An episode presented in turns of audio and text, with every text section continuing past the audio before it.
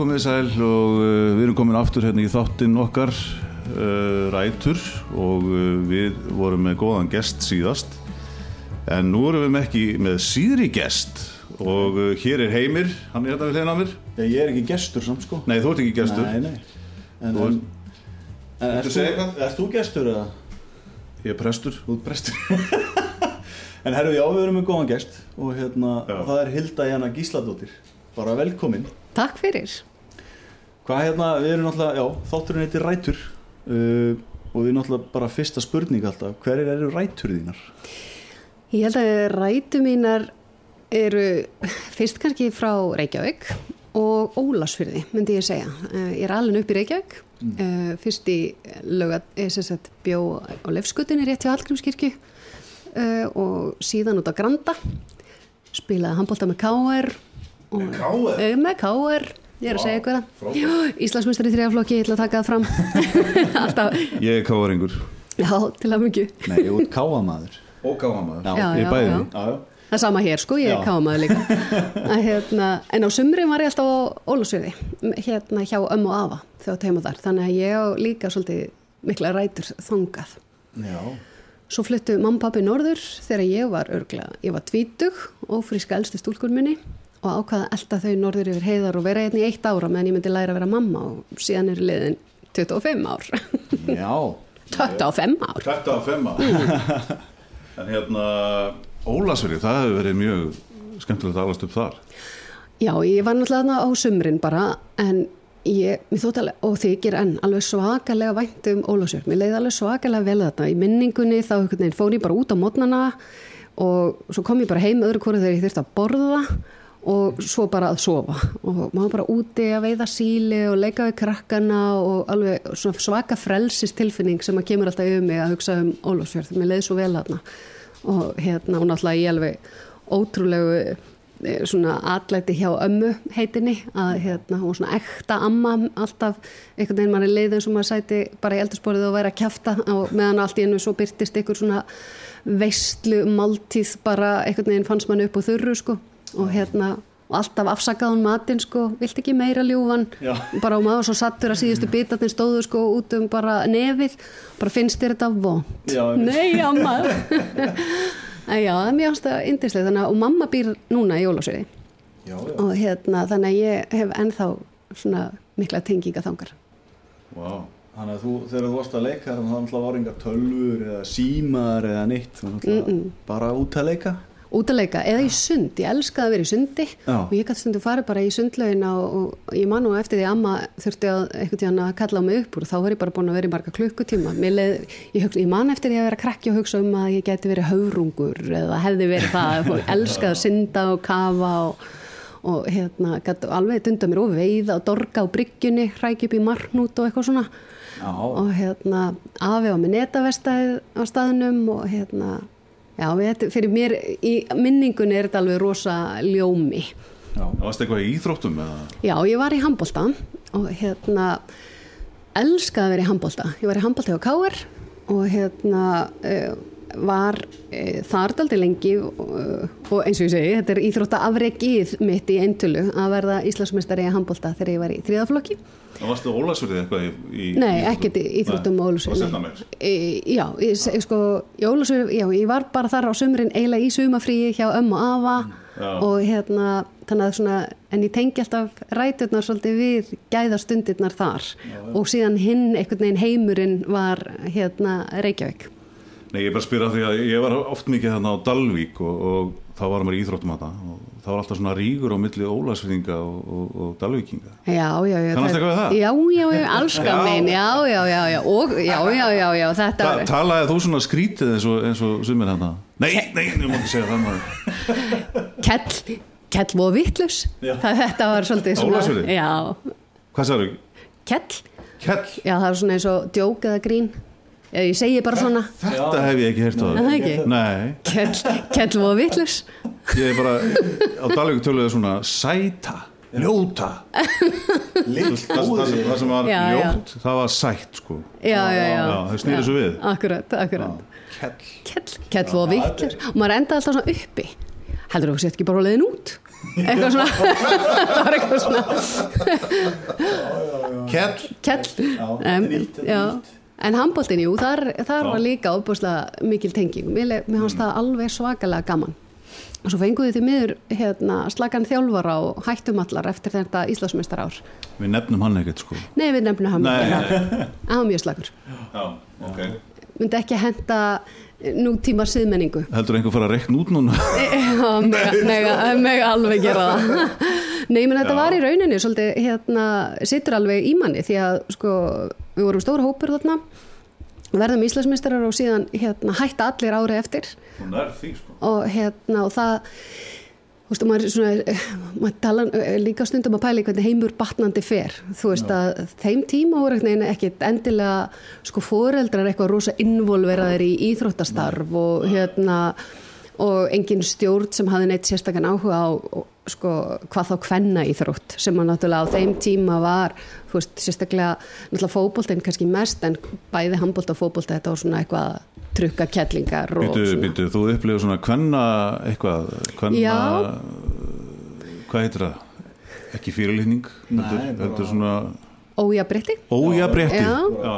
að hérna en það allavega þú veist, getið ímyndað ykkur í dag þú veist að ef einhver þriðjiflokkur í hvaða grein sem er myndi verða Íslandsmyndstar og þurkast síðan út heilt úlingalið, það myndi einhver segja heyrðu hvað gerist, Hva, hvað, hvað var að þarna? Og mögulega koma staði í hvað það karla var. eða eitthvað. Já, já, en hérna, en þetta er náttúrulega sem betur fyrir, ég var einmitt á hérna, lokahófi hjá Káa Þóri í handbóltanum og ég bara, ég verð, ég, sko, ég fekk eiginlega smá svona kuski augun bara að því þar var einmitt verið að sko kallar og konur saman á lokahófinu sem sett Káa liði handbóltanum og Káa Þórstelpurnar sem orðnar svona hetjutnar okkar. Og það var verið líka fagna því hvernig árangurinn hefði verið í yngri flokkastarfinu og þetta var svo mikið fjölskyld og svo mikil fegurð í starfinu sko sem snýst ekki bara um árangur heldur um að tilheyra því ég hef rosalega mikla trú á því að við sem mannskeppnur við höfum svo ofbúslega ríka þörf til að tilheyra og þegar við uh, hvort sem að það er að tilheyra fjölskyldu tilheyra bekk eða félagsstarfi eða hver, hverju sem er þetta er, þetta er mjög djúft í manni. Og, hérna, og síðan það að þegar maður upplifir sig ekki tilheyra hvort sem það er síðan rétt eða rámt en ef maður upplifir það sem mannvera að þú tilheyrir ekki í samfélagi eða hópi að það getur verið bara held ákaflega sásökafull upplifun. Þannig að þetta, ég held að þetta sé svo mikilvægt. Að þú finnir svona útundan eða, eða eitthvað Já, bara þú konar tilfinningar. ég held að besta samlíkingin væri bara þegar maður upplifir sig að ég hef upplifað það, að vera svona bara gemvera það sem mér finnst svona Já. engin skilja mann og maður er einhvern veginn, ef maður mætir ekki að þá er engin sem tekur eftir því að þú sért ekki með skiljur tengi, tengi. Nei, Nei, ég meina þú veist Já, að ég í alvöru, Já, bara að á meðan að sumir er einhvern veginn, þú veist, það er eitthvað að gerast og það er bara, hvar er, Siggi, hvar er, þú veist, Já. heimir, hvar, þú? veist, þetta er nú góð spurning sko. Já, ég var einu svona að spila á tónlingum og hérna ég var svo, þetta var Reykjavík úti. Og ég er að syngja eitthvað og svo allt kemur flugvél sko. Nei sjáu það ekki já.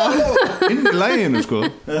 Aðeinsprestur óturis að gott á að stúin ekki áhverjum En hvað tengist það þessu nei ég veit það ekki um þetta er einmitt það sko Já, já En ég finna það í gegnum börnin mín eða strákin, strákin sko að að að hann sem sagt fái þessu upplifun að tilheyra Mhm. og hann er í handbólta og karate og það er gríðarlega gott fyrir hann Mhm. og þú veist bara uh, hann er búin að kynna svo mörgum í gegnum þetta og honum finnst það líka alveg frábært Mhm. að ymmit að tilheyra einhverjum hóp og stemningin í kringum þetta er alveg ótrúlega mögnuð.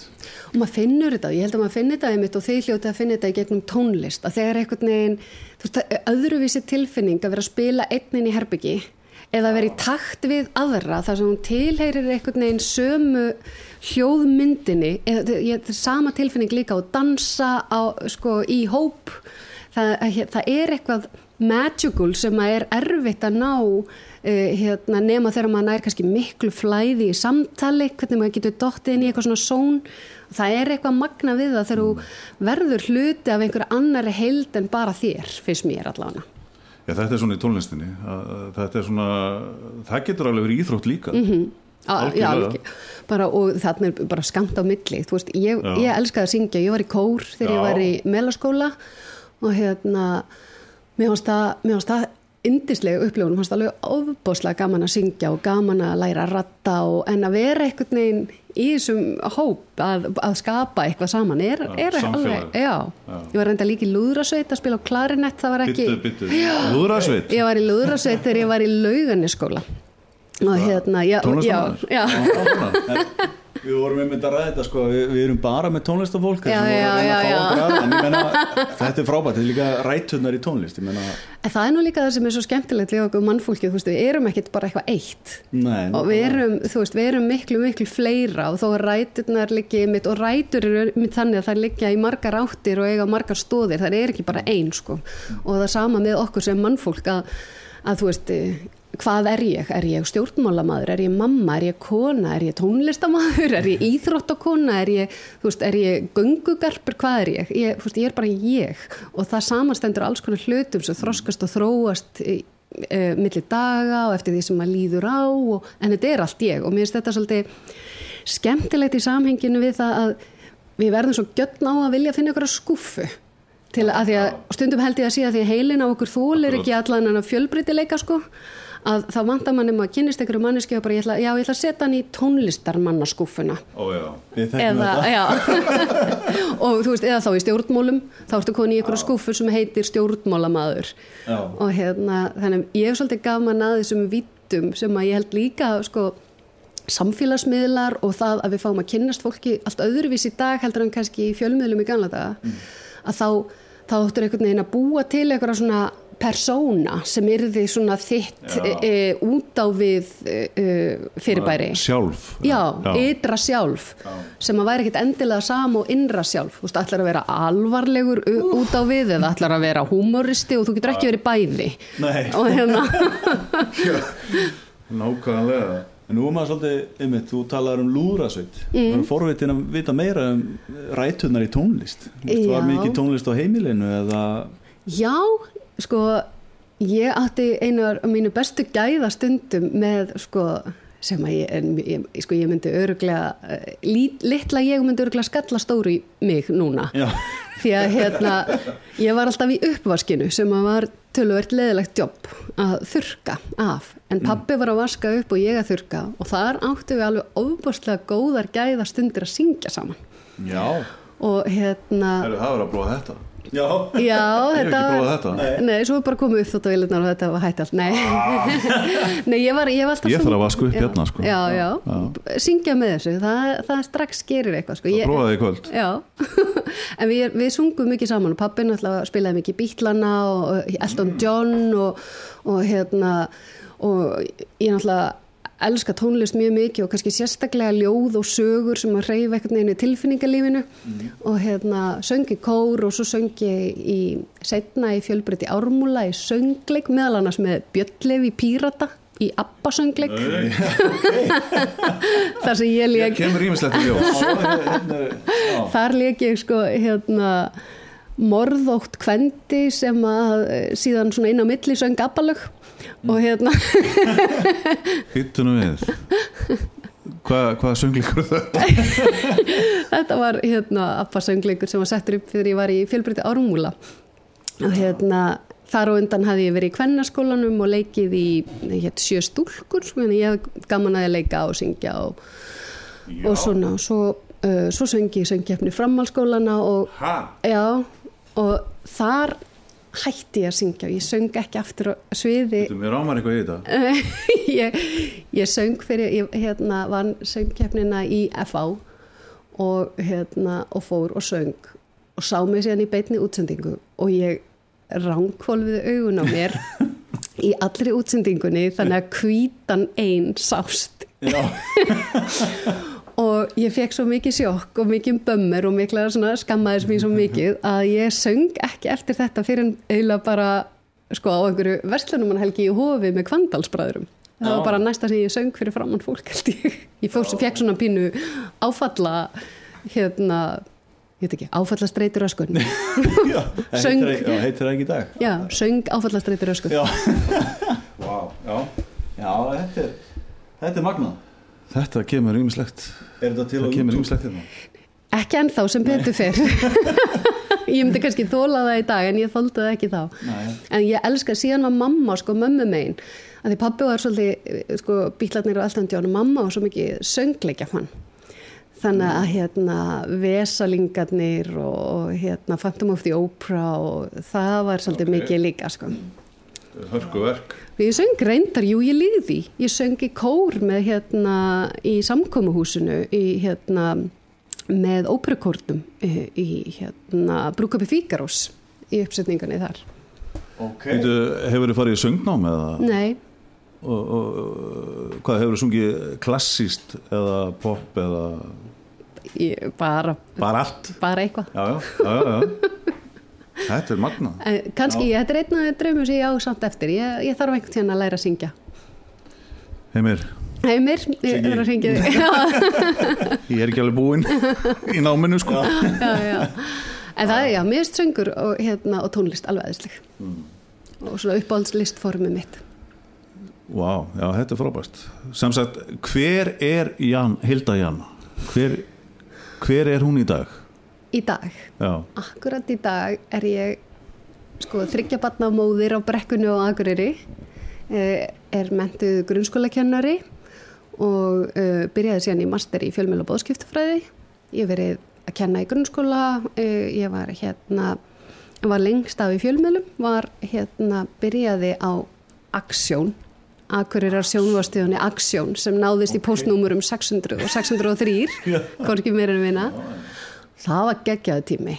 Uh, hérna, og þar lærði ég einhvern veginn, ég var sérst formaður félag stúdenta við Háskólan Akureyri og ætla vildi eitthvað plugga hérna, skólanum.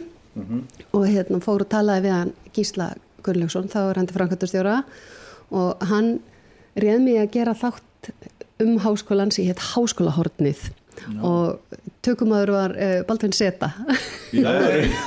Þannig að við batti vorum saman með þetta giggarn á sínu tíma. Mjög skemmt ég manna Friðrik Ómar var líka örglega með eitthvað þátt og alls konar, þetta var alveg æventýralegur tími sko. Og lærða að klippa og hérna og allt það. Síðan fórum á Axjó fórum að vinna fyrir stöðu 2, var fréttamaður þar síðan fréttamaður Rúf uh, síðan misti ég vinnuna á Rúf í hruninu og uh, fór þá til hans Þorvalda Jónssonar heitins sem var framkvæmtastjóri hann fjögur og það var búið að slekka á sjónvastöðinu þegar þetta var. Já. og hérna og við störtuðum henni aftur að því ég fekk styrk frá vinnumálastofnun eða, eða fyrirtæki til þess að ráða minni að gera eitthvað. Ég var nú eiginlega bara að leita starfi kannski bara í Noregi eða eitthvað því að mér fannst allt eitthvað að vera svolítið búið í þessu. Og hérna og svo tók það æfintýri allt saman bara á flug og ég var þar í nýju ár og hérna æfintýralega ár sko Tókst þú við þá hérna framkvæmtastjórn eða eitthvað eða? A- Sko, já, endanum þá tókum við Marja Björk saman Já, við já. framkvæmtastjóra stöðinni ég er þá framkvæmt og sjónstjóri og hún hérna framkvæmt og rekstar Mhm. og hérna e, þannig þetta var alveg hérna, en það var sem sagt Þorvaldur e, Jónsson e, frá Ólasverðið mitt Já. Hann sem sagt lest síðan úr krabbameini og það var óbúslega erfiðu tími fyrir okkur sem að störfum þar að hann náttúrulega bara einhvern veginn skyndilega var einhvern veginn horfin að yfirborðið jarðar og það átti okkur enginn. Nei, og hérna, við vissum ekkert hvað er þið um þetta. Um, en endanum koma síðan eigendur og við erum ráðnar og hérna, þannig að þetta var svona en fjóri er í miklum blóma í dag. Já, bara frábært frábært að hafa tekið þátt í þessu og mér finnst þau bara alveg mér finnst þetta aðeinslega stöð sko, mikilvægt að hafa sjónastöð sem þessa. Já, eins gott að þú hættir ekki við þarna á þessum tíma Já, akkurat, akkurat. Frábært ekki, þetta er svona ment to be eitthvað. Mér líður, mér líður alltaf þegar ég horfi á lífið mitt í svona baksýnispeglinum eins og allt hafi verið orðið eins og það átt að vera.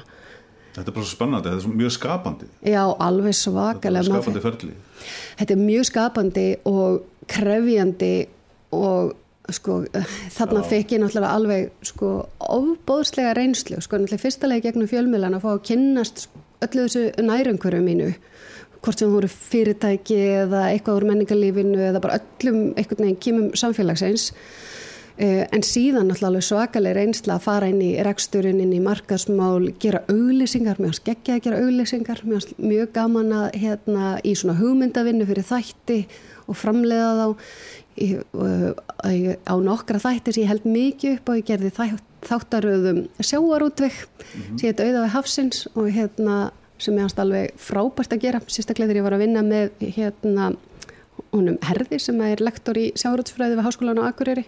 Og gerðum þess að þáttaröð og hlutaði í nota sem kennsluöfni ennþá í háskólanum og hérna, maður var einhvern veginn alltaf að læra svo ótrúlega mikið e, e, á því að vera að hlusta svona mikið Það er bara að vera stórkvæmst að fylgjast með vextinum Já. á N4 það er mm -hmm. alveg oft verið að hugsa um það sko. Algjörlega. Já, akkurat og svo fór ég vetur í sagt, byrjaði í mastersnámi í fjölmjöl og bóðskiptafræði það er búið að vera alveg ótrúlega skemmtilegt Bóðskiptafræði, hvað, hvað er það? Það er hvernig við eigum í uh, uh, Já, okay. tjálskiptum það, hvernig við látum bóð út ganga ef á sóma árið komast að, hérna, maður getur lært þetta mm. bóðskiptafræði Já, þetta er kannski Já. það sem að, að þetta er eiginlega fjölmjölafræði en Já. sko það er hérna, bóðskipta ángin er sagt, uh, svolítið tengdur Um, hvað ég að segja að það er fleiri form heldur en fjölmiðlar sem að flytja bóðskap uh, það, tökum bara til dæmis tónlist. Já, já, já. það er ákveðin tegund af bóðskiptum sem er ekki beint fjölmiðl okay. uh, og hérna þannig að það er ég búin að vera alveg vákvæmist ekki það, þetta er svolítið skríti, ég byrjaði að kenna kendi, hætti að kenna, lærði kennaran og fór svo að gera eitthvað annað. Já. og svo fór ég og var í fjölmjölum, hætti fjölmjölum og fór að læra fjölmjölafræði, ég læri svona eftir á. Já, Já.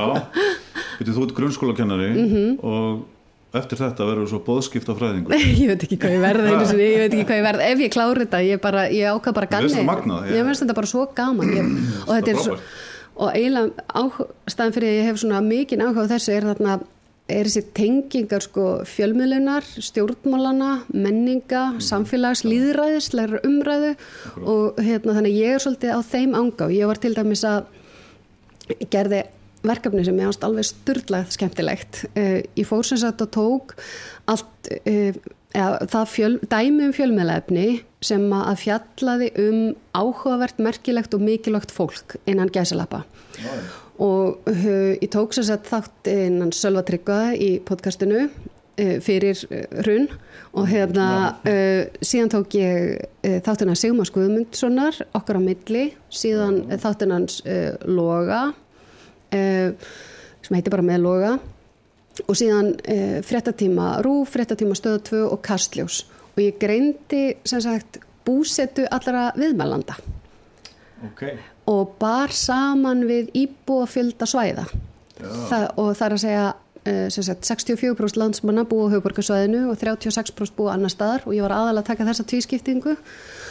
Og það sem að mér fannst svo spennandi þarna var að ég er rosa uh, mikill svona byggðajöfnuðar sinni. Og hérna já. og hérna og þá ég uh, og þá var ég að bera saman sem sagt tók ég til dæmis bara alla viðmælendur í þessum þáttum frá upphafi til þess tíma sem ég var að gera þetta í nógumber og uh, greindi svo bara hlutfallið og komi ljós að uh, svona í kring, yfirleitt í kringum að minnst okkarstu 80% tilfella voru viðmælandu búsettir á höfuborgarsöðinu þráttur að þar búi innan gæsalappa aðeins 64% landsmanna og í lang flestum tilfellum voru fleiri viðmælandur búsettir erlendis heldur en utan að landi okay. Nú myndur einhverju reykingunum segja já, enn og aftur eitthvað svona. En málega það sko, þetta er bara staðrind Já, þarna er, og þetta er ástæðan fyrir meðal annars ég hef áhuga á þessari fjölmjöla og bóðskiptafræði, er að þarna er að mynd byrtast okkur skökkum mynd af Íslandi.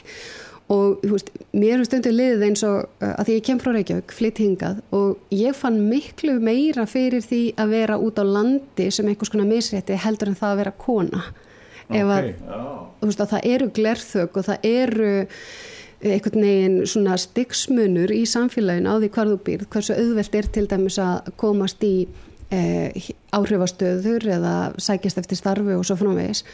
Og, hérna, og það til dæmis að, að í almanna rýminu byrtist okkur svona hlutfalslega fáir utan að landi. Og það sem ég fann svo áhugavert ok, ef að þessir þættir eiga fjalla um áhugavert merkilegt og mikilagt fólk er þá niðurstaðan að hlutfalslega sé ómerkilegra, óáhugaverðara og meira óspennandi fólk sem býr út á landi eða er ástæðan jafnvel meira að rittstjórnin og þeir sem taka ákvarðanir um hverjir komi í viðtöl séu svolítið nærsinir eins og við öll. Og þar sá ég til dæmis að þegar ég skoðaði dasgrágerða mennina þrjá að þá voru þeir líklegir til að, líklegri til að tala við kallmenn sem voru nálagt þeim í aldri og búsettir á sveipuðum stað. Já, okay. og þetta og síðan skoðaði ég stjórnrúf og í stjórnrúf sáttu tíu manns allir búsettir á höfburgarsæðinu og þá fyrir maður svolítið að hugsa um sko skekkjuna og í kjölfarið að, fáum nú að segja það inn í allan hópneit að, hérna, að þá fór ég og vann í því að því ég formaður stjórnar SSNE sem er samtök Sveitafél og Atvinni þróunar og Norrlandeistra og kom fram með þá hugmynd að óska eftir því að e, fulltrúar í þegar ríki skipar í starfsópastjórni ráð og nefndir að þá sé að minnstakosti þriðungur þeirra búsettir utan höfbarkasvæðisins og það er komið núna inn í kvítbók byggðaállunar að e, teki skuli mið af ólíku búsettu við skipan í stjórni ráðir nefndir og starfsópaðan ég var aldrei rokkin af þessum svona litla segri já, mér, ég fekk alveg pínu svona ok, yes. ok, maður getur gert eitthvað já, þannig að það er verið að þú veist að koma þessu á framfæri við það fólk sem að Sagt, er í þessu, þessu þessari eldlínu eða þannig mm -hmm. og það er það sem mér fannst svo gegja þarna þannig fer ég alveg frá því að rannsaka þetta sjálf Já. koma staði hvar, sjálf hvar væri einhver menn búið að finna koma sjálf með einhverjar hugmyndra lausnum ég stóð líka fyrir því að það er haldin ráðstöfna um uh, hérna, íbúa landsbyðana í fjölmjölum Uh, komið þessa tillögun í byggðállun og svo var triðja tillögun sem við hefum eftir að uh, íta við stjórn rúf með er að setja inn í jafnbryttis áallun rúf það markmið að auka meðvitund frétt og daskargerða fólks á ólíkri, ólíkri búsettu viðmælanda með því að tellja alltaf búsettuna og byrtana alveg eins og gert með kynin vegna þess að mörgu leiti er hægt að líka þessari kynjaumræðu við byggðaumræðuna. Já, bara að fylgast með þessu. Já, mér finnst það vegna þess að við erum bara eh, alveg eins og það er mikilvægt að hafa konur að kalla við stjórnvölinn sem eiga sæti við borði og það er ástæðan er að því við erum höfum á vissuleiti ólíkan veruleika og er nákvæmlega sama þegar þú Eh, býrð einhverstar annar stáru og hefur annan veruleika sem oft bara gleymist, það er ekki heldur bara það að fólk sé svona af hennu illa sem bjúi á höfuborgarsöðinu heldur bara að þú gleymist Ég er stoltur sveitalöpi Já. Já, já, já, já, já, já, já. Þannig já. Já, já, ég meina þetta er bara þetta bara gerist já. á ímsum landum litlu svæðin verða bara út undan. Já og það er svo mikilvægt að, að því að þetta við sjáum þetta nefnilega víða um heima þetta getur skapað útrúlega kergi og leiðindi sem þurf, þurf þarf ekki að vera. Og það sem meira er að það er vinn-vinn að hafa bæði sko sterka höfuburg og öflugar landsbyðir svo ég hljóm fari nú í ég veit þetta er rosa frasalegt en þú veist þetta er eitthvað í alvörunni sem ég er svona ástriðu fyrir og, og, og kannski tengist líka þessari e, þáttöku í þessum fjölmiðlum að hafa fjölmiðl til dæmis eins og N4 sem að, að var að lif, reyna að lifta upp vennjulegu innan gæsalappa fólki sem að er samt áhugavert, spennandi, merkilegt og mikilvægt. Já. og þetta e, og lifta því upp á svona næsta stað sem að mér fannst skipta svakalega miklu máli. Þannig að þetta er alveg svona einsti kjarni á, á áhuga söðu sko Þannig að ég spyr svolítið erfilega mm. uh, eh, N4, hvernig, hvernig heldur að viðhorf sé til N4 frá höfuborgarsæðinu? Uh, sko ég held að lang flestir hafi bara alveg jákvægt viðhorf mm. sko, það var náttúrulega uh, allan á sínum tíma, ég þekki nú ekki núna, mm. en það var náttúrulega meira áhóru eftir því sem fólk var eldra og yngra fólk ég vissi ekki hvað það var og hérna en ég, það var svo fyrst var þetta svona mikið pleppalegt, lúðalegt og svona. Og hérna en síðan uh, og kannski gerist þetta líka með hlutum eins og podcasti og meira slow tv og fólk er til í meiri veruleika frekar en svona eh, glansumbúðir á einhverju sem er verið að selja þér svo brútali sko að vilja meira að fá bara að fylgjast með því hvað fólk, lætur fólk tikka. Og og maður finnur þetta alveg sjálfur þú veist, þegar maður er í svona veðir eins og í dag allt svona fallegt og maður sér bara fýblana og allt í hennu finnst manni þeir fallegir þetta er maður oft, þú veist þessi litlu, þú veist, þeir litlu hlutirnir Akkurát. sem eru oft mesta fegurðinn mm. en samt veitu við mesta aðtiklin og mesta plattformið jáfnvel í sjúklega mikið leiðindi eða jáfnvel eh, sko hattursorðuræðu eða eitthvað þýmlegt sko. Mm. Það, það er allt og mikið þannig að einblýna á þetta neikvæð sko. mm. sko. það er Þannig að já, þetta er svona þetta en ég svona hérna fyrir utan allt, þetta er svona kannski lýsir ágætlega mér í, í starfi en síðan í engalifinu er ég þú veist, er rosalega gaman að fjallgöngum og, og vera með fjölskyldunum minni og hérna og Þau eru farið súlur já, já, já, já. á Ég Ekki ég Ég er búin að tvísar maðurinn minn er að plata mig í sjötinda göngu núna að það sem við eigum að labba upp á tinda göngu Og hvað eru þessi tindar? Heyrðu, þá er labbað upp á kærlingu og svo tekni tindarnir hver að fætur öðrum þangað til þú ferð súlur og þar niður.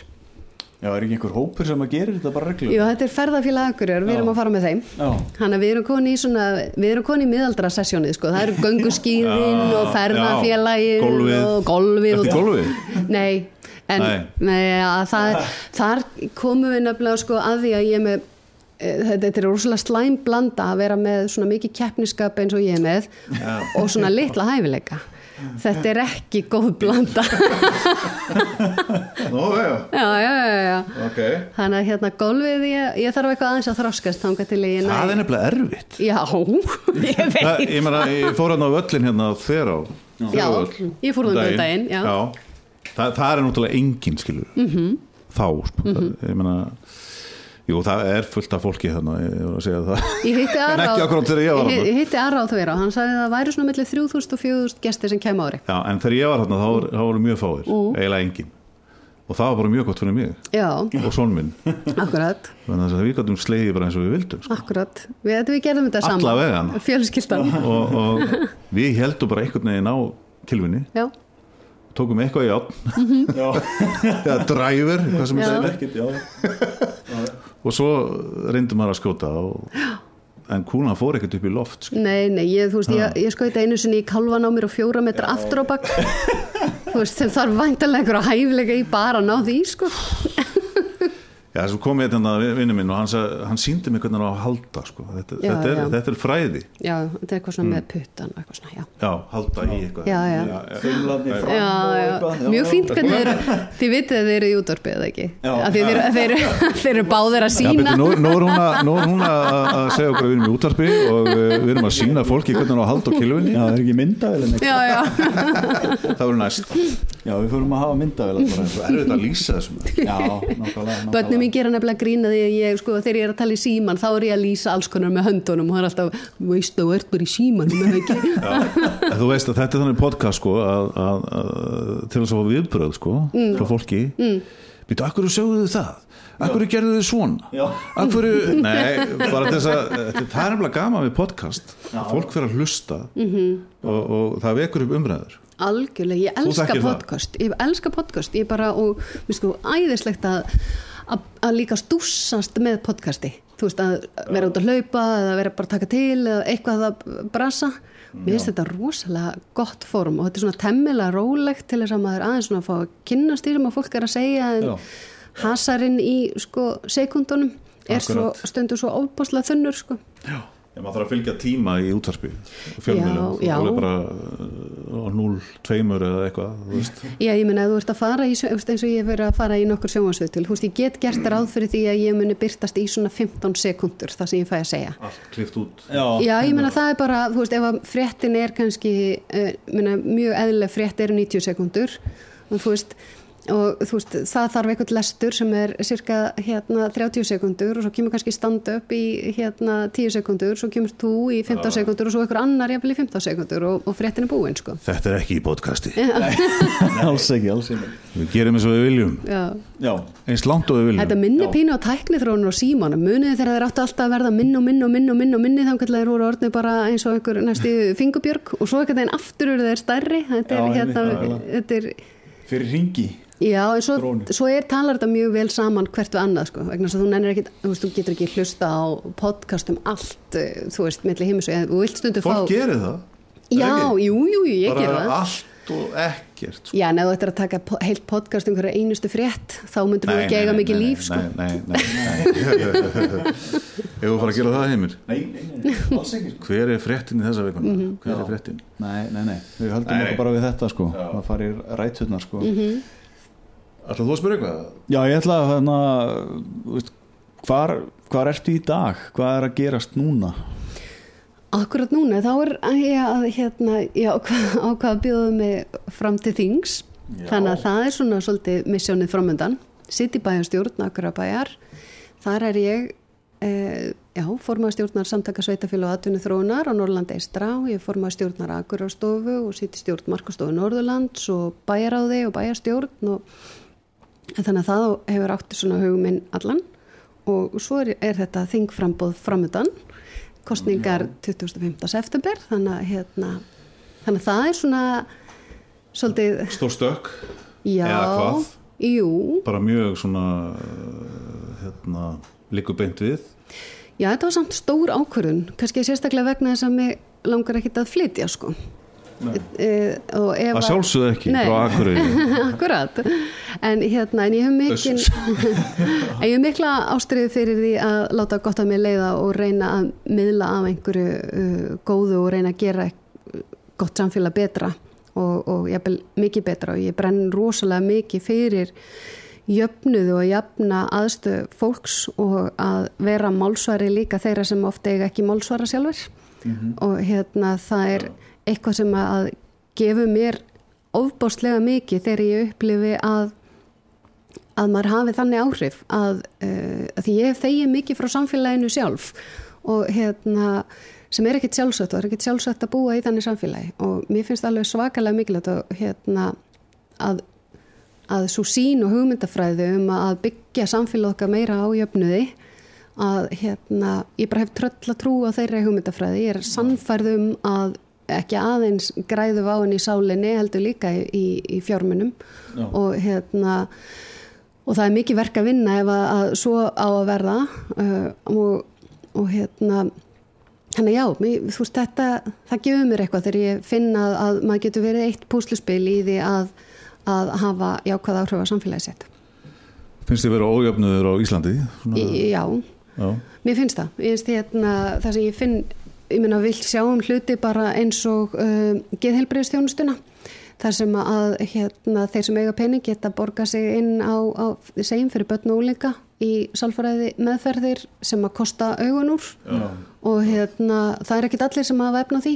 Við sáum þetta til dæmis þegar að það var niðugreitt í sjúkra þjálfun uh, sem dæmi og það hérna urðu allir svakalega hissa á því að allt í hennu var brjálaðislega mikil eftirspurn eftir sjúkraþjálfun eins og það sé eitthvað það skemmtilegast í heimi sko að fara til sjúkraþjálfara. Eldur vegna þess að það var þörfi undirleikjandi þörfðar og við erum að missa fólk í jafnvel örorku og, hérna þegar við erum ekki að sinna forvörnum og þegar við erum ekki að sinna uh, sko heilsun okkar bæði andleir og líkamleiri sem því miður er alltof oft sett einhvern veginn í tvo ólíka heima eins og þau séu sko annar sé mikilvægur og merkilegur og hinn sé heila hálf skömmustulegur sem er umörlegt vegna þess að andlegt heilbreyði þjóðarinnar og allara skiptir svo miklu máli og við verðum bara misip þar í gegnum lífið og stundum þurfum við á stuðningi að halda. Og, og fyrir utan einmitt hjartað að þá er það líka bara dýrst að missa fólk í örorku uh, hérna og randýrt og við erum að harfa allt og mikið á það að mér finnst heilbriðskerfið okkar vera þróast í þá átt að þetta sé svolítið svona uh, þeir sem eiga peninga geta fengið allar bestu þjónstuna með að kötta fram hjá hefnu bóðlum og fara bara beint í sérfræðinga. Uh, og hérna svo sjáum við bara eins og almannatryggingakerfi þú veist það eru að sjá fólk eins og öryrkja síðan.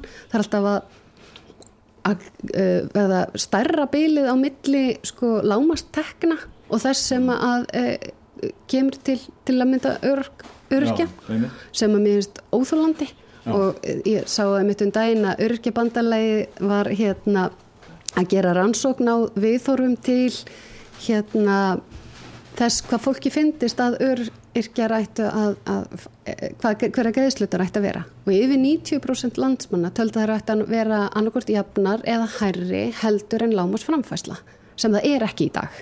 Nei. og þingið er búið að samþykja niðurgreiðslu og sálfræði þjónustu samt gengur það ekki eftir.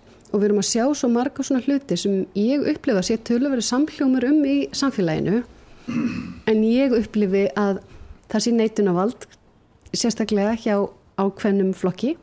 Uh, sem gerir það verkum að við tökum ekki nægilega stór skref í þá átt að jafna þessa aðstöðu vegna þess að fólk trúir því ekki að þetta sé í alvörunni betra og þarna kemur inn þessu umræðan um góða fólkið sem að hérna og reyndar er ég nú bara svolítið á því að segja bara já þú veist gott fólk gerir góða hluti en að góða, góða fólki sé eitthvað svona ímynd af fólki sem að komi með óraunhafa óskalista og veit ekkert um fjármál Já. og það sé nú bara ekkert hægt að gera allt fyrir alla og allir þessi pakki Áttu við góða fólki sem að er ekki mikið að trana sér fram eða, eða er ekki mikið að Nei, hafa þetta er sér fram í eða þetta er svona lingóð yfir stjórnmálamenn sem er að benda einmitt á þetta Já, svoleiðis, og svo framvegi sko. já, já. og þá kemur þetta, já, kemur nú góða fólki sem heldur að sé hægt að gera allt fyrir alla en það er bara ekki Já, til peningar Í góðri trú og, og hugsjónar, Já. hugsjónar fólkið Já, en að, já, akkurat hugssjónafólki að þetta sé einhvern veginn afgreitt eins og einhverju vitlýsingar Já sko, þegar maður fer á þing Mhm. er maður ekki að fara með hugsjón að sjálfsögðu, það ég held að það sé eina ástæðan af hugssjón og ástríðu og hugmyndafræð og það, mér, mér finnst mikilvægt að hafa hugmyndafræðilegan að þegar þú stendur fast í hann uh, að, að þá er verða svörin einfaldari við hverju svo sem þú ert að takast á við og forgangsröðinni líka því á endanum geta einhvern veginn allir sagt jú ég vil allt fyrir alla en ok, hvað er allar að byrja? Hva, hvað er fyrst? Hvað er, hvað er mikilvægast þegar þú þarfst að fara að forgangsa? en sko tilfinningin er stundum sko hjá manni að þegar fólk fyrir á þing Mhm. þá er það einhver tíma og svo bara hérna einhvern veginn fer þessi hugsjónar hérna maðurinn eða konan fer í smá dvala eða eitthvað Mhm. og drukknar einhvern veginn einhver starf á leiðinni Já, ég held að Er eitthvað til í því? Ég, ég held það nefnilega að, sko, að það sé rétt hjá þur en ekki það að ég bara að því að ég, ég er nú komin í þetta frambúð ég var að hitta, nei, já, já ekki ég en, ekki sopna ég skal ekki sofna en ég var að hitta sér þetta alla hina sem er í frambúði því líka ástriða sem er Já. í fólki Er það ekki? Jú, þegar þú bara sest akkúrat. og veist og það er engar sjónvarsvélar eða neitt og ég er bara að setjast niður og tala við fólki í flokknum mínum og ambisjónið og hérna ástriðan er mögnuð þannig að hérna, hún er allavega ekki horfin en það er spurning hvernig hún er síðan matri til okkar sem að sjáum hana í, í en svo er ég oft hugsið reyndar líka yfir þessu fyrirbæri sko að þú ert í meiri hluta og þá er allt fullkomið og þetta er allt eins og af guði gert eða þú ert í minni hluta og þá er allt eins og að sé frá döblinu og anskotanum sjálfum sko. og það er bara svart og hvít og þú, þetta er eins og eitthvað svona morfískeppni þar sem þú varst bara fyrirfram með á móti. já, og þetta verður svolítið svona en svo einhvern veginn á viss, vissan hátu virkar það að því að, eða heldur fólk að það virki ég veit það ekki, en það að hérna að því að á endanum þá síðan kýs fólk og kýs út frá einhverju. Og, hérna, og oft kannski bara einum tömur setningum eða einum tömur lofurðum eða bara einu eða kannski bara því að þessi lúkar er svo góðu gaur eða þú veist eitthvað. Og hérna þannig að oft finnst mér svona að ein- eins og fólk sé að spila fótbolta en það væri kannski líka allt í lægi að taka með höndum en, Já. en bara Já, já. reglurnar er ekki þannig skilur við En er þetta ekki bara svolítið sko, þetta, þetta er náttúrulega svo stórt þetta er svo mikið flækjustig að, að fólk kannski drukna bara svolítið í öllu sem er að gerast? Jú, ég held það, ég, þú veist, ég heyri alveg fólk segja bara, ég hef ekki áhuga á pólitík. Og ég hef aldrei heitt neitt sem hefur ekki áhuga á pólitík. E, þar að segja ef að pólitík er það að hafa skoðun á samfélaginu sínu Já, þá er maður í pólitík. þá eru allir í Bara- pólitík já, Við erum í póli- pólitík núna sko. akkurat. En ekki endilega, þú veist, flokksbundinni þar fær fólk algjört ónami, sko og ég er svolítið hugsið reyndar ef, að því mér langaði aldrei einhvern veginn beint í flokk þú ég held með Liverpool og ég er til í að vera í klubnum Herðu, og, Liverpool. Ætlum við að fara þangað? Ef við Nei. klára þetta United.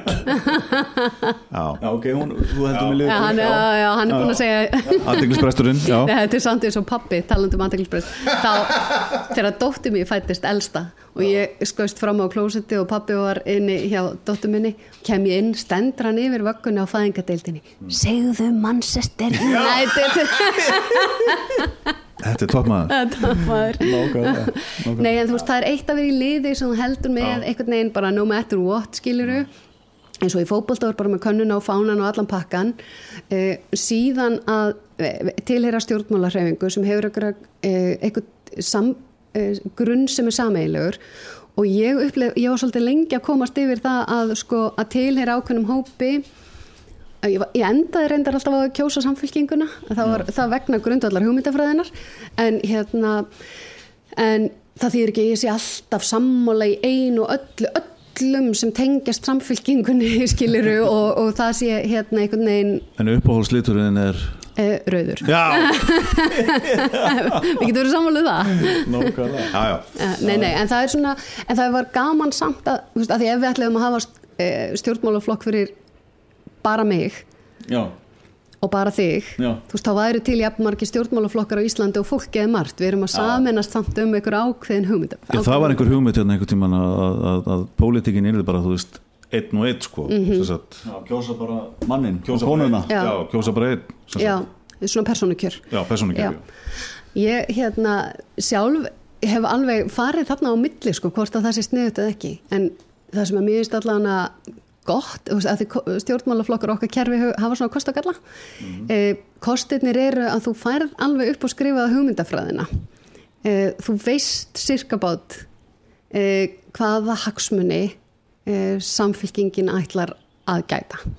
Þú veist sirka um, þegar þú hugsaður um hvern einasta flokk það poppar eitthvað svona þú veist sirka hver, hver verður í forgangi. Hvaða hópur samfélagsins eða hverji, hvaða hópar samfélagsins er í forgangi hjá þessum stjórnmálflokki hver grundular hugmyndafræðin er? Tengist hún meira einstaklingnum, tengist hún meira samfélaginu, tengist hún meira almenningi, tengist hún meira fátækt? Tengist hún meira enga framtækin og svo framvegis?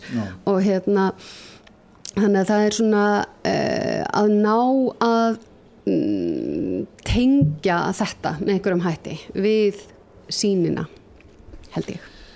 Er, hvernig heldur að frambóðsræðan verði hjá þér Hilda Jana? Þegar eh, hvað hérna hvað ætlar að leggja mest svona áherslu á þegar þú allar að fara í þingslægin sko ég ætla bara að gera það sem ég hef alltaf gert. Sko, þegar ég byrjaði í fjölmjölum þá langaði rosalega mörgum einhvern veginn að punta upp á mig og breyta mér og Já, já. gera mig að sjónvaskonu og ég gerði eitt svoleiðis þátt þar sem ég var sendt til stílista og, og hér, átt að vera með þátt sem ég heit Bravo átt að vera ógisla hress og kátt og föstaskvöld og segja brandara Tengjuðu ekki svolítið við þetta? Já, Stílist á svona Já, Verið eitthvað annar en maður er Já og það var viðbjóðslegasta sjónvarsefni sem ég hef framleitt sko. Já. og hérna e, e, og á einhverjum tíðanpunkti þá ákvað ég þar að ég ætlaði bara að vera ég. Og minn eini dómstóll væri speilin og uh, og ég fyndi, þú veist, ég hefði þrjár stöðvar sem væri, þú veist, heilin og það væri sálin og það væri gut feelingir og hérna, og ég ætlaði bara að leifa því að vera þannig. Og þannig ég meira líti á það þannig að ég sé, og það er alltaf verið að segja við mig sko, þú átt að segja bara þegar þú ferð á þing.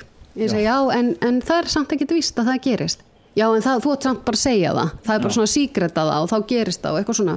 Er svo síkret hérna? Já, já, já. Lastu bókina? Já, nei, nei, ég heyrði bara um bókina. Já, ok. En hérna ég er svolítið þar að ég er bara mér líður eins og ég sé bara í atvinnuviðtali. Uh, ég er bara að sækja um uh, starf hjá þjóðunni þetta er það sem ég hef fram að færa. Uh, það sem ég myndi standa fyrir eru mín grunngildi sem að tengjast jöfniði uh, mín sérstaka áhersla er á byggðajöfnuð ég hef þar alveg brennandi áhuga þá í öllum málaflokkum hvort sem það tengist geðheilbriðstjónustu, almenni heilbriðstjónustu, mentakerfinu, samgöngumálum, atvinnulífinu, umhverfismálum. Ég er rosalega mikið með byggðaglerugun á nefnu. Þannig já, ég er meira þar að segja ég er til, ég er til ég að bretta upp ermar og leggja mig alla fram þetta sem ég hef fram að færa og svo bara annarkvort kýs fólk það eða ekki. Og, og það þarf ekkit endilega að vera einhver eh, sko annað en það. Ég er bara að gefa kost á mér. Þannig að ég veit ekki svona uh, fólk hafa mjög misjafna skoðanir á, á því hvernig maður á að vera en ég er ekkert neina að hugsa um að veðja bara á að vera ég sjálf. Þetta er bara magnað.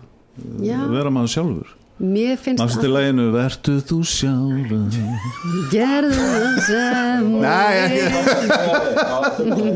Nei, mér finnst þetta sko Þetta er alveg frábært svar vegna þess að Þetta var ekki mjög pólitískt svar.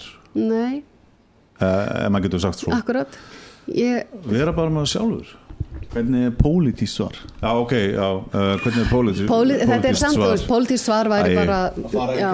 Já, fara í hringinn í kringum hlutina Hringin í kringum grautin Ég er líka bara og svo, þú veist, sömu kalla mig væmna en ég er rosalega hérna, ég, ég er hrifin að innlegni og hérna og það, mér finnst það á endan skipta svo ofbúslega miklu máli, mér skipta máli að setja sig inn í hlutina, mér skipta máli að að þykjast ekki að hafa svörin við öllu en vera reyðbúin eða sækja í bestu upplýsingarna hverju sinni og taka ákvarðanir út frá hugmyndafræði og um, að vera einhvern veginn heiðarlegur með það. Að þú veist að ég finn það allavega í bæjastjórn þú veist, maður getur setið og, og, og sagt heyrði, ég vil fá fleiri gögn, ég vil fá meiri upplýsingar. Hvað áhrif hefur þetta á þennan hóp, þennan hóp og þennan hóp?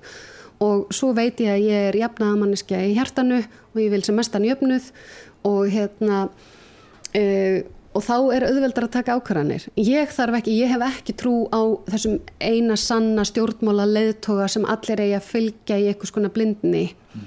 uh, og ég hef mikla trú á samtalinu og því að sem hópur getur við tekið óbúslega góðar ákvarðanir en ef einn alltaf bara verða eitthvað undir felda pæli í þessu og komið niðurstöðuna finnst mér ekki góð leið til þess að stýra. Þetta er bara mjög manneskjulegt.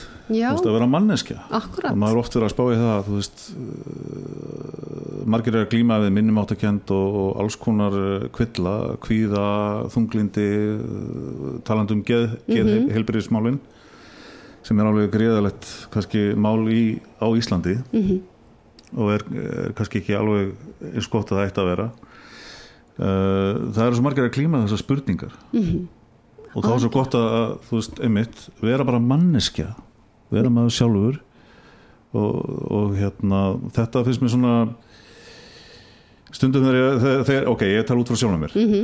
þegar ég er að hlusta á, á stjórnmálamenn tala og svona og bara fólk svona sem er í, í einhverju að bjóða sér fram og slíkt og þá hugsa ég, byrju, hvað var manneskjan að segja?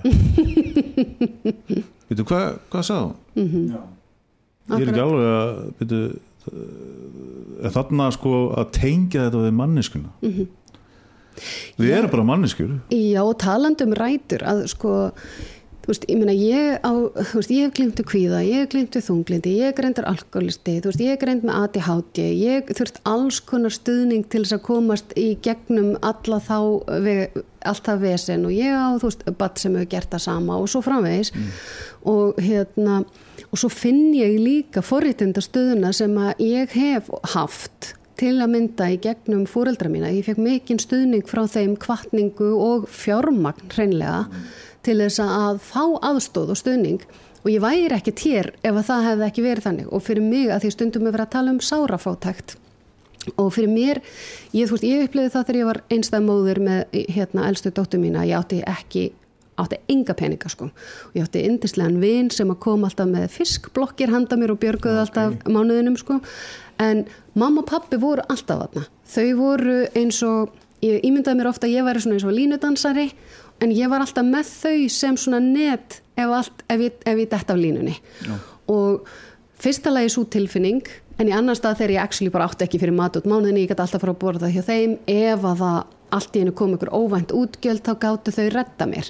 Þar af leiðandi upplifði ég aldrei sárafátækt Já, ok. og hún var ekki mæld í þeim fjármunum sem ég hafði um að ráða heldur í þessu baklandi mínu og ég hef oft hugsað út ef ég hefði ekki átt þetta bakland þá og nú og bara alls konar þegar ég hef verið að glíma við eitthvað hver grípur mann þá og hvar væri ég þá Já. ef að ég hefði ekki ef að, ef að kerfið hefði verið eina sem hefði geta gripið mig hvar væri ég þá Ég, og þarna finnst mér, þarna erum við ofta að Já. skoða fjölskyldur þar sem eru mikil veikindi stöðu innflytjanda og fleiri hóp og þarna þarf við ofinbera að vera tilbúið nákvæmlega, ég er hérna með svona pælingu, búin að vera með svolítið lengi sko, að, að þú veist, maður fer reglulega til tannlæknis og, og getur bara verið með sinn tannlækni og bóka bara uh, árlega.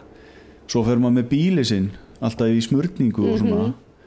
Akkur, já, akkur fer, fær maður ekki veist, þessa þjónustu, bara sálfræði og, og hérna, þjónustu og, og bara almenna svona tjekk þjónustu bara líkamlega já, tjekka, þú veist, hva, er þetta eitthvað svona búið að pæli þessu eitthvað? Mér finnst þetta, ég reyndar líka pælt í þessu. Ég er ekki komið fast kíkja undir hútið Já, akkurat, bara að það væri á einhverjum tegumpunkti að sem þú færir í bara svona helsufastek Já, og þú veist, bara tjekka blóðþyrsting, hérna, vítaminum og svo framvegis og bara, heyrðu, þú þarft að, hérna, gera þetta og þetta eða fá þennan stöðning og þennan stöðning og, og hérna, þannig að og það er hægt á einhverjum stöðum að gera þetta en enn og aftur e, þá er þetta spurningu peninga Já, ég meina, hérna- ef að tannlæknarnir geta Mhm. hva, hver er svona sérstæða þar, veist, af hverju geta tannlæknar þetta en ekki heimilislæknar eða sálfræðingar eða Akkurat. geðlæknar Það er bara, bara mjög Já. spurningar bara geð heilbriðis kerfið það er svona er, er svona mætir stundum afgangi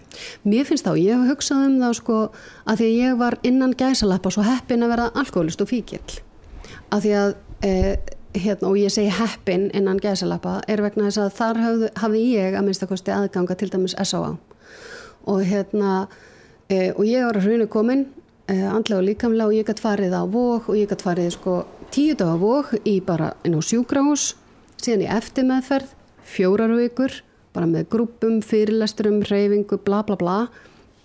Og síðan eftir þá gungudeldi ég vil í eitt ár þar sem væri fundir að minnst kosti einu sinni í viku og svona eftirfylgn og svo framvegis.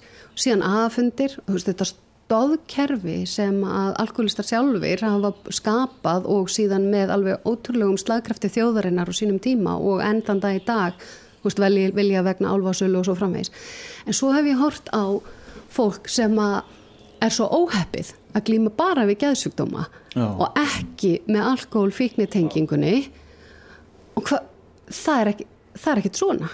En það er næstu því það sama yngripp e, með við það sem ég var minnst að kosti sé, ég ætla ekki að þykjast að vera fræðumæður á þessu sviði, en þegar maður hefur séð fólk sem er lengst niðri e, að takast á við kvíða og þunglindi og hérna og örmögnun og kulnun og alla þessa staði þar sem við erum að klessa á í lífinu þá er það akkurat þetta sem við þyrtum Já, við þyrftum að fara í miklu heldstæðari uh, viðgerðir. Eða sem sagt time out og sjúgrás og, og svo framvegs og hérna þannig að ég mjög oft fundist þarna vera ótrúlegt gap á milli sko. Það er mikið verið að hugsa um sko líkamlegu þættina. Já, það er, manni finnst alltaf vera sko hugsað vel um það. Mhm. Eitthvað líkamlegt en, en svo er það komið svona sálalegt eða, Mhm. já, og svo er, svolítið, svo er þetta svolítið fyndið Þú veist, hver hefur upplifað það að vera líkamlega mjög veikur og ekki fundið neitt fyrir því í sálinni? Og Já, hver hefur verið Já, veikur á sálinni og ekki upplifað neitt í líkamannum ég meina þegar maður veit að, ég veit allavega að, að þegar ég er þú veist, slæm andlega þá fæ ég bakverki, ég fæ magaverki ég fæ, þú veist, alls konar drastli, þú veist, svita og hita eða þreitu eða get ekki sofið eða hausverki og nefndu það, sko. Næ, þetta tengist allt saman. Þe, við erum eitt Já, já. kerfi, þú veist, það ætla að aðgreina mig hvort ertu núna andi eða líka mig, Já, bara, já. um, ég er bara að hilda hérna. Úf, þetta er efni í marga þætti. Já, en hérna það er fræðimenn sem hafa komið með sko nú mann ekki alveg nafna á honum uh, en ok. Uh, það er maður sem er að, að tala um á netinu sá ég um daginn að uh, sem sagt post-traumatic stress. Áfallastreitur mm -hmm. áfallastreitur öskun. Hefur, eða svona ymsir kvillar. Hafa mikil áhrif á líkama Já, allir þessi sjúkdómar sem að koma eða þess að bara, já, síkur síki hvað sem er uh, blóðhrýstingur, hár blóðhrýstingur eða lári eða hvað sem það nú. Þetta hefur allt áhrif á líkamann. Við erum ekki sikkurt sólkerfið, við erum Nei. bara eitt. Andin okkar og sál og líkami er það sem gerir okkur að því sem við erum. Og við getum ekki sett okkur bara í sikkura skúffuna Nei. þetta auðvitað tengist þetta. En svo er náttúrulega auðvitað á endanum líka svo áhugavert að vita við vitum líka svo opaslega lítið Uh, þú veist, ég menna maður finnur það þegar maður fer að fara í gegnum helbriðiskerfið eins hérna og, og við erum auðvitað komin langt frá því fyrir 100 árum eða 200 árum. Við eigum líka alveg svakalega langt í land. Við kannski förum svolítið með eitthvað, eitthvað væntingar um að, að þetta sé bara eins og yfirferða á makkanum sko, bara og það sé bara hægt að, að sjá þetta. Bara enduræðis á allt sko. Já, reboot. Já, og hérna en, en það er auðvitað líka að hluta til hérna vantar okkur að halda áfram að, að læra miklu meira, ég meina það, það er marg oft sem að, sem að svörin bara fást ekki. En kannski stóra máli er líka finnst mér að við finnum þetta bara öll, við finnum að við erum sál og við erum líkami. Eitt hefur áhrif og hitt. Þú, þú veist, þú ert ekkit að fara að verða bara í toppmálum eða þú ert bara í líkamlegri þjálfun og heldur ekki að þú ert bara í andlegri þjálfun. Vegna þess að þetta er algjörlega samhangandi og ég meina þegar það er verið að takast á við þessa andlegu kvilla þá er reyfing einn af hlutunum sem að, að veist, það kom alltaf þessi þrýr þættir. Mest boring þættir sem að tengjast andlegri heilsu sem er svefn, eh, mataræði og reyfing ótrúlega hvað og fara á sjö tinda. Já. Það er ekki sko hérna að- að að sinna þessu sko. Nei. Nógu vel sko. Svo er maður alltaf, að- það er nú eitt stórt vandamál maður er alltaf að reyna að finna þessa kvikk löst sko Mhm. fyrir vandamálinu sem maður er, er að já, framið fyrir og það er svo fullt, fullt, fullt af drastli í gangi, auglýsingar og alls Mhm. konar svona, þetta er lausnin og svona veist. en veist, það- þetta er bara grunnur það er svefnæring og reyfing ég er svo með þér þetta, mér langaði alltaf í eitthvað svona ef þú stráir bara engi fyrir á vinstri Já. öxlunaður klukkan þrjú og fimmtudugum þá hafa þetta á verður þetta allt í veggnum lagi. bara. Já. Já. en svo er þetta bara álíka leðilegt eins og eins og það er að grunnurinn fyrir, fyrir mig allavega var, var þetta rosa mikið þannig. Grunnurinn minn er að hafa reglu á svepp, reyfing og mataræði. Það er svona grunnurinn á húsinu. Svo getur unnið í alls konar öðrum þáttum uh, hérna eh, sem að geta verið alls konar tengt félagslífi, vinnu, starfi eh, hugleðslu, þú veist alls konar, en, það, en ég þarf alltaf ef mér líður illa, þá fer ég alltaf bara ok, hvað er ég að klikka? Og það er eiginlega alveg svakalega oft í einhverja þessum þremur þáttum, svefreyfing og mataræði. En þetta er ógíslega boring að maður væri alveg til í að væri hérna skemmtilegra það er svo margt gott í bóði sko. Já, Já, það bara samt uh, ef maður sko finnur ávinningin af veist, að sofa vel Mhm. og að borða eitthvað sem er gott en holdt og hreyfa sig veist, Mhm. þá er kannski meiri kvati sko, að, að hérna, halda áfram að gera það sko.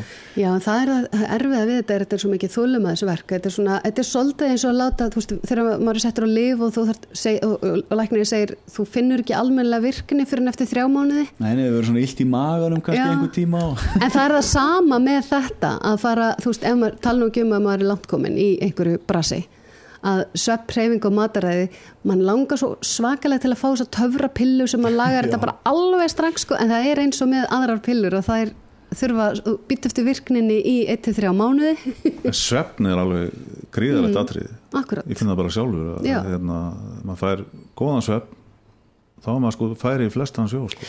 svo er svo, svo svo áhugavert að pæli því, ég meina við erum með 24 tíma, þetta er eini þátturinn sem mér líður eins og ég hafi átt eftir að gera. Já.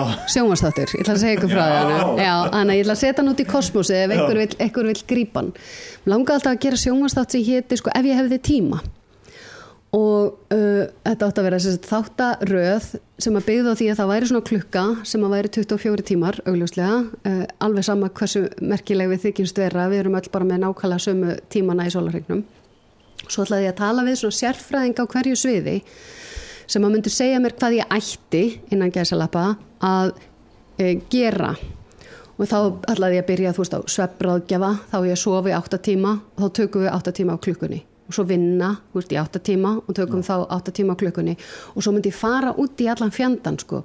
ég á að reyfa mig ég á að sinna hjónabandinu ég á að, veist, ég meina hvað hva tíma þú ert að vestla, vestli í matinn elda frá grunni uh, hérna, þú veist allir þessi, veist, fylgjast með bílnum, fara með henni eftirlit hlusta á börnin, lesa hérna, djúpnaður á þér hárið tala við einhvern hárgrislu sérfræng sem er bara, þú verður að djúprens og það er ánið hárið alveg að minnstakosti mánaðarlega. Og allt þetta sem maður ætti að vera að gera sko. Og bara sína starffræðilega fram á það að þetta er ekki hægt. Þetta er yfir þyrmandi sko. Þetta er bara þetta. 24 tímar ef þú bara horfir á það tikka niður ég meina, hvað tekur það bara langan tíma að borða eða að fara á klósettið á hverjum degi eða eitthvað? Það kemst bara ekkert inn í. Þetta kemst ekki og þú þarfst að forgangsraða og þú þarfst að fyrirgefa þér það að þú ert ekki að fara að gera og enginn er að því sko. En það halda allir að hínir séu með þetta alveg á reynu og Já, allir séu svo flottur og kúla á því sko en það er, það er margir að tala um svona flæði að vera í flæðinu. Mm. hvað er það? það, það er eitthvað það, ha, Og núvindun Já, að Sko, ég- dvelja í, því að, í því sem maður er að gera. Mér finnst það reynda geggja ég, sko, ég, ég, eitt af því sem ég gat ekki var sko, e, sem er svona partur af því að vera edru og lög mikil áherslu á huglæslu og hérna ég bara, það eru ekki nema svona fjögur ár síðan að ég náði einhverju svona tökum á þessu. Eða tökum, eh, tímabundnum tökum. Já. hérna og ég, mér fannst eiginlega í hérna einni hugleislinu sem ég var að hlusta þá var hérna mm, mér finnst það eiginlega skemmtilegast að dæmi sagana það var svona einhver sem var að kenna einhverjum að, að hugleiða. Og hann kom til hans og sagði þú ert bara að gera þetta. Og hann kemur til hans og sagði þetta gengur ekkit, ég næ ekkit að, að einbytta mér og ég næ ekkit að slaka á. Og ég fyrir alltaf að hugsa um eitthvað annað og þetta er, þetta er alveg glata, ég veit ekki hvað þetta á að gera. Og hann sagði bara hérna það mun breytast. Og hérna og hann fór og helt áfram og helt áfram og helt áfram og alltaf fór hann tilbaka til hérna, kennarans og hann sagði alltaf þetta væri ómögulegt og hann sagði þetta mun breytast.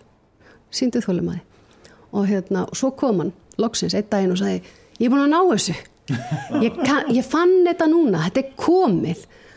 Og þá sagði kennarin það mun breytast. Já, já.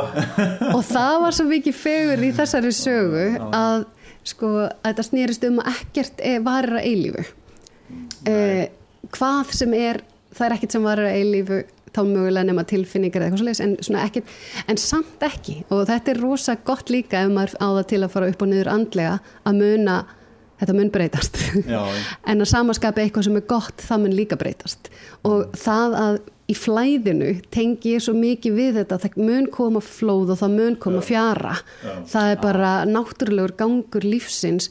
Og því fyrr sem að maður setur ekki kröfunar á það að allt eigi að vera fullkomið og þar með talið þú að eilífu annars ég allt fari bara til helviti sko að þá ertu svolítið að lifa í flæðinu með að vera allavega upplifi ég það þannig að vera eh, bundin við það að hreyfast með því og það sé allt í lægi það er allt í lægi ef þetta er ekki í lægi Alltaf að það klikkar. Já, Já, þannig að þú ert ekki með fullkomna ordu. Nei ég er ekki með fullkorun áratu en ég þarf samt að takast á við það stundum í sumumálum eins og veist, og þá eitt er síðan að hafa þetta svörin og reyðum höndum í kollinum allt, allt, allt annað mál er að praktisera það sko. Ég rekst alveg ennþá nákvæmlega sömu veggina aftur og aftur. Allt í einu bara er ég ekki búin að borða í dag. Og ókvæmstlega því að ég sé ekki hress.